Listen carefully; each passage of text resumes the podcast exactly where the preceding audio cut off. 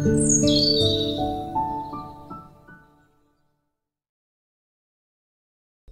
pagi, Bapak, Ibu, dan saudara-saudari kekasih Tuhan Yesus. Bersyukur pagi ini kita boleh berjumpa kembali dalam program Hikmat Pagi GKI Karangsaru. Biarlah hikmat pagi pada hari ini boleh menguatkan dan memotivasi diri kita untuk lebih bersandar dan berpegang pada Tuhan Bapa kita. Mari kita berdoa.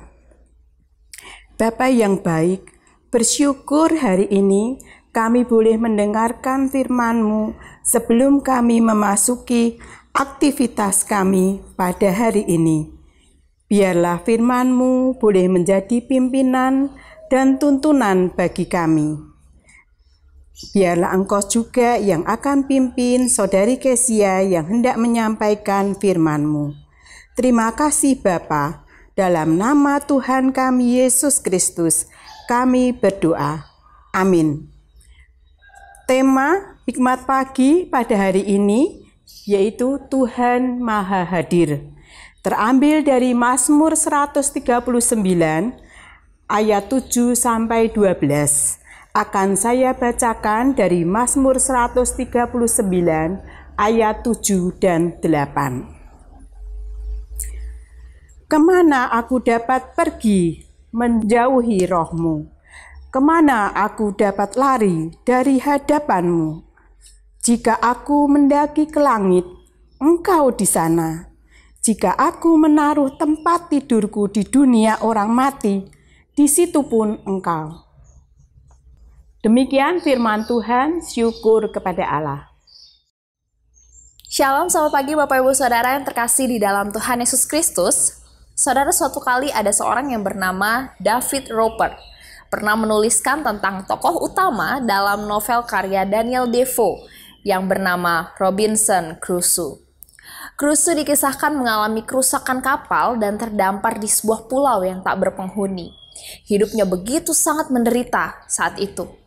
Tetapi ia kemudian menemukan pengharapan dan penghiburan ketika dia menemukan satu kebenaran firman Tuhan yang berbunyi, Aku sekali-kali tidak akan membiarkan engkau, dan aku sekali-kali tidak akan meninggalkan engkau. Tiba-tiba saja dia kemudian berpikir bahwa ayat ini ditujukan untuk dirinya. Kepada siapa lagi ayat ini diberikan kalau bukan untuk dirinya dengan cara yang demikian. Tepat ketika dia mengeratapi keadaan-keadaan yang sulit sebagai orang yang ditinggalkan oleh Allah dan manusia. Ia melanjutkan, kalau begitu, jika Allah tidak meninggalkan saya, apa yang perlu dipermasalahkan? Meski seluruh dunia meninggalkan saya. Sejak saat itu, ia kemudian menyimpulkan bahwa ia bisa saja lebih bahagia dalam keterasingan ini, dalam kesendirian, dalam kesunyian, daripada dia berada dalam situasi lain di dunia ini. Dengan pemikiran ini, ia kemudian sangat bersyukur kepada Allah karena telah membawanya ke tempat ini.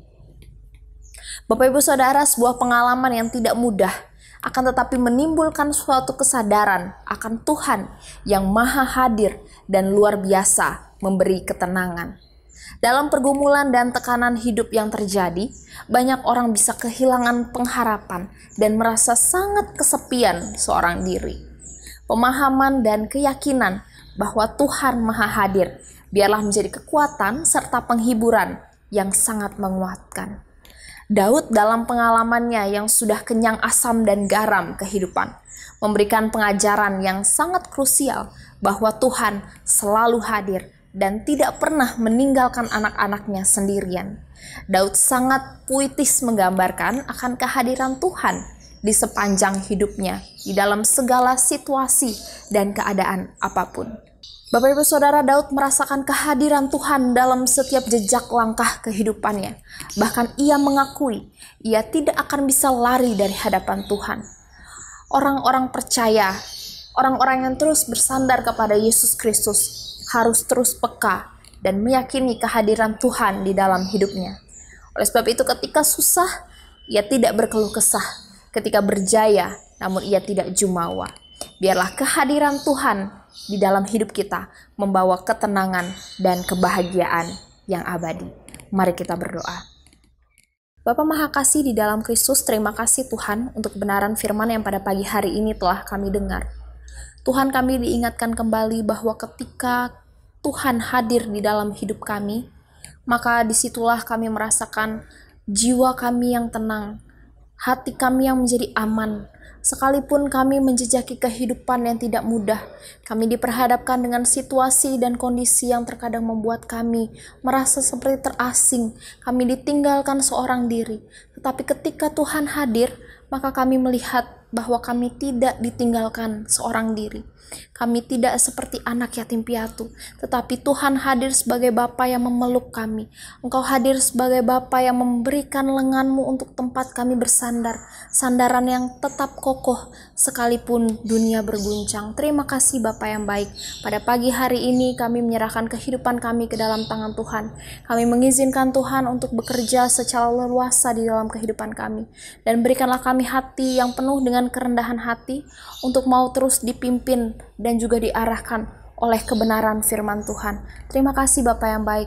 Biarlah sukacita, damai sejahtera, dan pengharapan di dalam Tuhan terus menyinari kehidupan kami, mengisi hati kami, sehingga hati kami menjadi hangat dan penuh.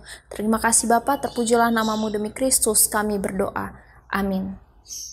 Bapak Ibu Saudara selamat menjalani kehidupan sepanjang hari ini dan mari kita terus ingat kebenaran firman Tuhan bahwa ketika Tuhan hadir di dalam kehidupan kita, maka di situ ada ketenangan, keamanan, dan pengharapan. God bless you.